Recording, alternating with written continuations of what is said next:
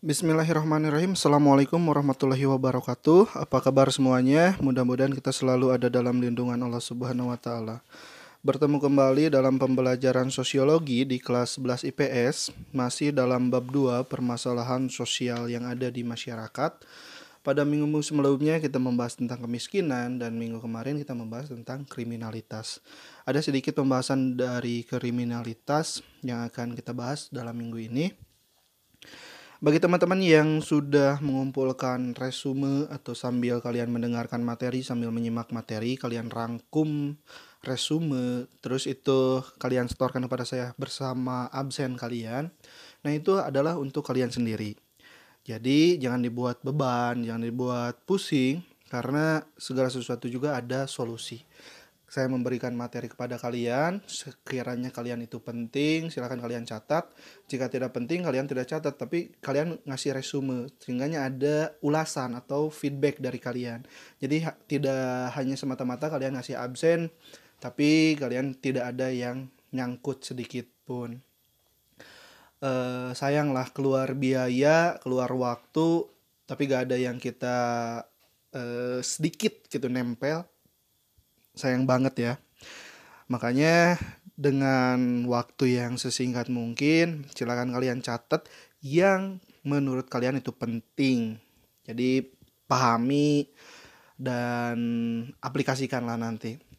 Bagi teman-teman yang udah konfirmasi dan lain sebagainya, saya ucapkan jazakumullah, kalian sangat luar biasa. Bagi yang belum sempat, ayo kalian juga tidak kalah luar biasa. Jika di, kita diibaratkan dalam perlombaan lari, kita sama-sama lah uh, untuk berlari jangan ada yang di belakang tapi kita sama-sama untuk meraih kesuksesan. Ada yang berbeda dalam hal kesuksesan yaitu tergantung pada diri kalian sendiri, tergantung pada pada proses yang kalian jalankan. Jika prosesnya menurut kalian itu biasa-biasa saja, ya mungkin nanti hasilnya bakal biasa-biasa aja.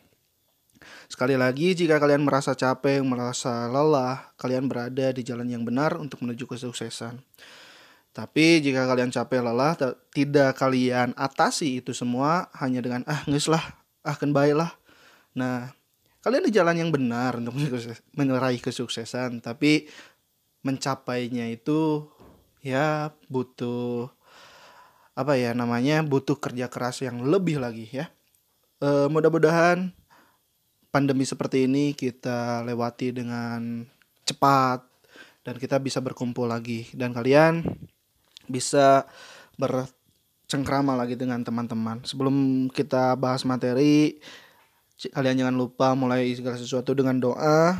Doa dalam hati dipersilahkan. Alhamdulillah. Masih di te teori sosiologi kriminal, kemarin ada teori anomi dan sekarang kita bahas teori differential association. Teori yang dirumuskan oleh Edwin H.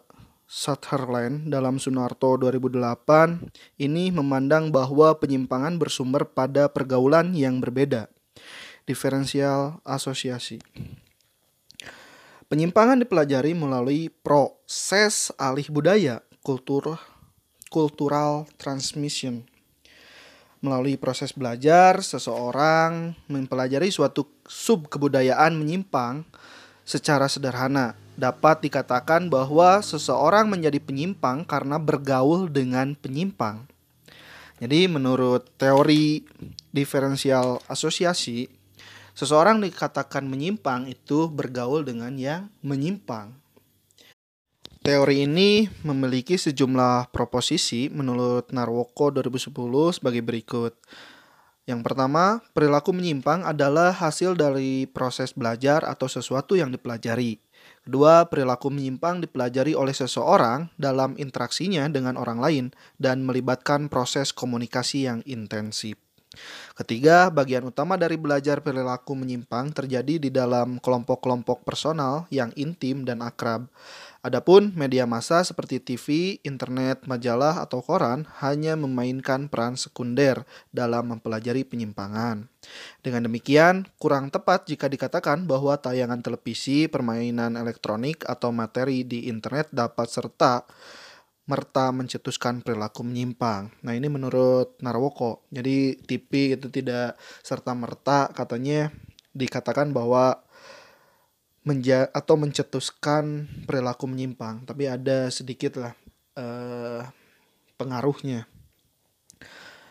Hal-hal yang dipelajari yang keempat, hal-hal yang dipelajari dalam proses terbentuknya perilaku menyimpang adalah cara-cara melakukan penyimpangan yang bisa jadi sangat rumit atau cukup sederhana dan petunjuk khusus tentang motif, dorongan, alasan, pembenaran, dan sikap-sikap berperilaku menyimpang.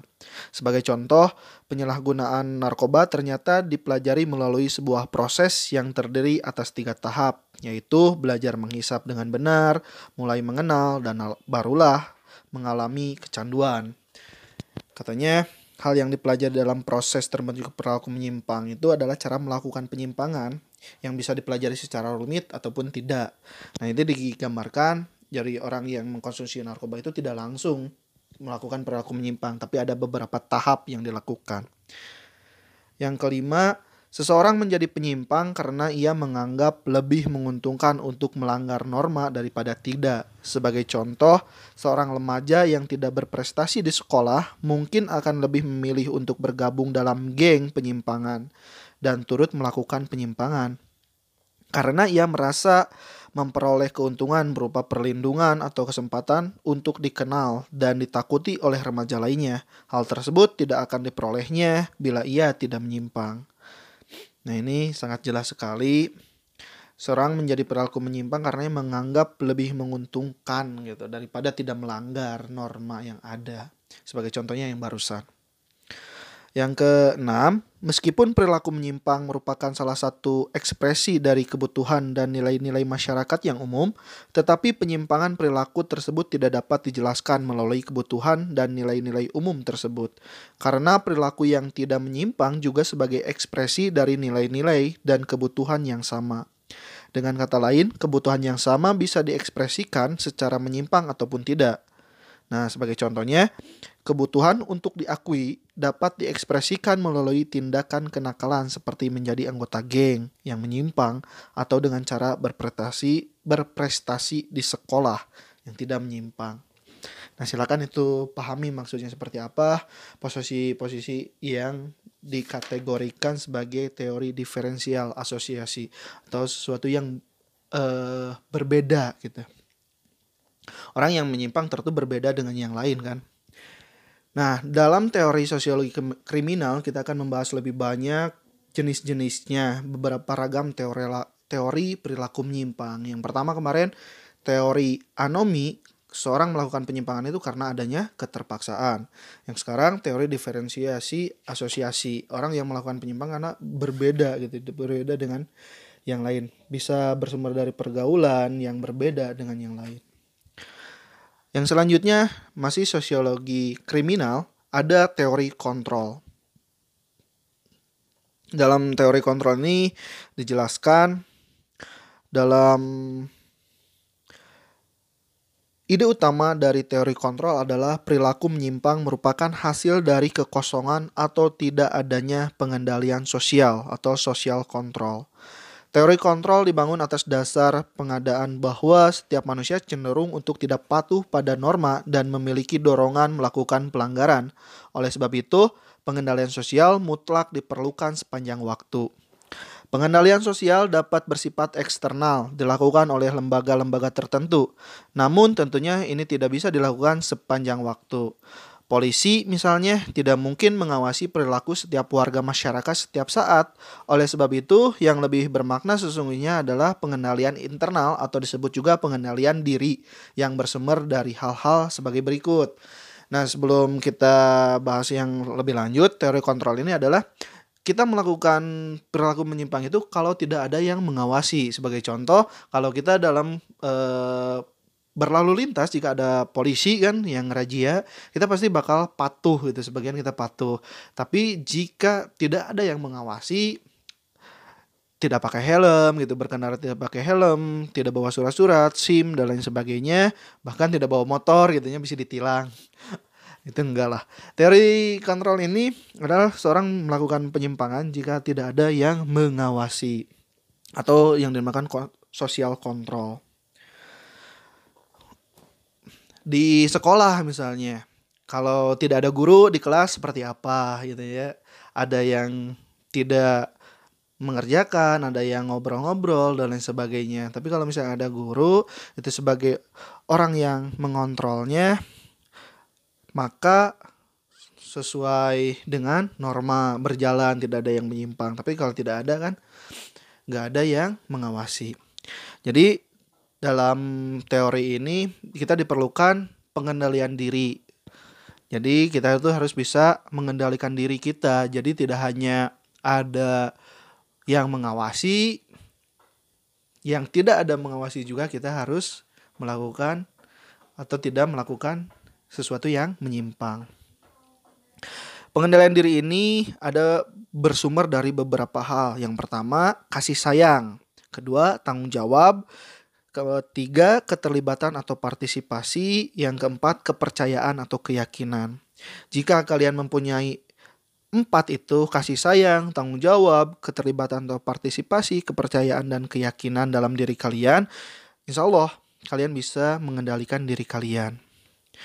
Jadi, keempat unsur tersebut diyakini menjadi ikatan sosial yang secara efektif mampu mengendalikan perilaku individu dan mencegah perilaku menyimpang termasuk kejahatan.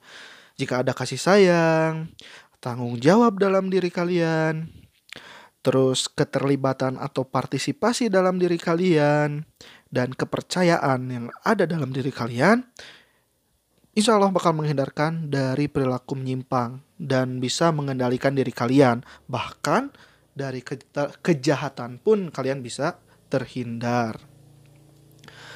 Ada teori labeling yang keempat. Menurut Edwin M. Lemert dalam Sunarto 2008, seseorang menjadi penyimpang karena proses labeling atau pemberikan pemberian julukan, cap atau etiket negatif yang diletakkan masyarakat kepadanya. Mula-mula seseorang melakukan penyimpangan yang oleh Lemret disebut penyimpangan primer. Akibatnya, orang lain lantas memberikan berbagai cap negatif. Sebagai tanggapan pada cap tersebut, maka pelaku menyimpang kemudian mendefinisikan dirinya sebagai penyimpang dan melakukan penyimpangan sekunder. Lambat laun, ia pun mulai menganut satu gaya hidup yang menyimpang. Sebagai contoh, seorang anak mula-mulanya hanya mencuri sepotong roti dari lemari penyimpanan makanan di rumahnya. Namun setiap kali ada sesuatu yang hilang, seluruh anggota keluarga selalu menuduhnya sebagai pelaku. Lambat laun, ia berpikir bahwa tidak mencuri pun ia dituduh pencuri. Jadi lebih baik yang mencuri saja karena ia telah terlanjur dicap sebagai pencuri. Lama-kelamaan ia terbiasa melakukan pencurian. Satu hal yang tidak banyak diperbincangkan terhadap terkait teori labeling adalah sebagian orang berhasil menentang cap negatif yang dilekatkan oleh masyarakat sehingga meskipun melakukan penyimpangan mereka tetap menganggap dirinya tidak bersalah. Jadi kalau kita melabel kalau di masyarakat kan sudah wajar melakukan kesalahan terus kalau berbohong gitu ya orang lain bakal mencap kita sebagai pembohong walaupun kita tidak berbohong lagi. Nah itu dinamakan teori labeling. Ah geus mah dicap bohong senang geus we urang mah bohong we terus nah itu eh penyimpangan yang dinamakan teori labeling karena ada stigma atau eh, penilaian dari orang karena sesuatu yang udah kita lakukan di awal. Tadi dicontohkan mencuri, mencuri sekali, terus orang sekitarnya kalau ada yang hilang menuduh ke si A karena udah mencuri sekali, padahal si A tidak melakukan. Si A berpikir, ah saya mah dituduh wae padahal saya nggak melakukan. Enggak lah melakukan. Nah itu ada yang masuk di dalam teori labeling gitu. Dalam teori labeling juga sosiolog Graham Sky dan David Matza mengemukakan bahwa orang yang berhasil menentang cap negatif umumnya menggunakan teknik netralisasi. Teknik netralisasi dilakukan dengan cara sebagai berikut. Nah, tadi ada uh, pencapan dari orang-orang, penilaian dari orang-orang. Nah, bagaimana cara menetralisasi pencapan dari orang-orang? Sosiolog Gresham Sykes dan David Matza mengemukakan nih ada beberapa teknik. Yang pertama, biasa dilakukannya penyangkalan tanggung jawab. Seorang pelaku menyimpang mungkin saja mengatakan bahwa yang dilakukan adalah sebuah ketidaksengajaan atau kecelakaan. Ya sebenarnya tidak bermaksud demikian, namun ternyata tidak mampu menahan diri. Sebagai contoh, pelaku tabrak lari mengatakan bahwa ia yang terjadi bukan karena kesengajaan dan ia melarikan diri hanya karena takut dihakimi masa. Terus ada lagi penyangkalan cedera. Perlaku menyimpang juga kerap berkata bahwa yang dilakukannya tidak keliru karena tidak seorang pun yang cedera. Pelaku mungkin akan menyebut pengurusan sebagai kenakalan, tawuran sebagai perselisihan pribadi, dan pencurian sebagai peminjaman. Sebagai contoh, pelaku tawuran mengakui bahwa yang dilakukannya memang melanggar hukum, tetapi ia tidak merasa bersalah karena tidak jatuh korban jiwa. Nah, ada beberapa penyangkalan ya yang selalu dilakukan oleh orang yang udah dicap atau dilabeling orang yang menyimpang. Ada lagi penyangkalannya, penyangkalan terhadap korban. Penyangkalan terhadap korban ini menganggap dirinya sebagai penuntut balas atau contoh sekelompok pemuda merusak sesuatu restoran siap saji waralaba asing dan menyebutnya sebagai pembalasan atas kesewenang-wenangan negara asing terhadap warga di berbagai belahan dunia. Beberapa bentuk yang ada di sosiologi, teori sosiologi kriminal, penyimpangannya. Mudah-mudahan kalian bisa mengamati, jangan dijadikan beban, tetap semangat, dan luar biasa terus jaya. Jazakumullah.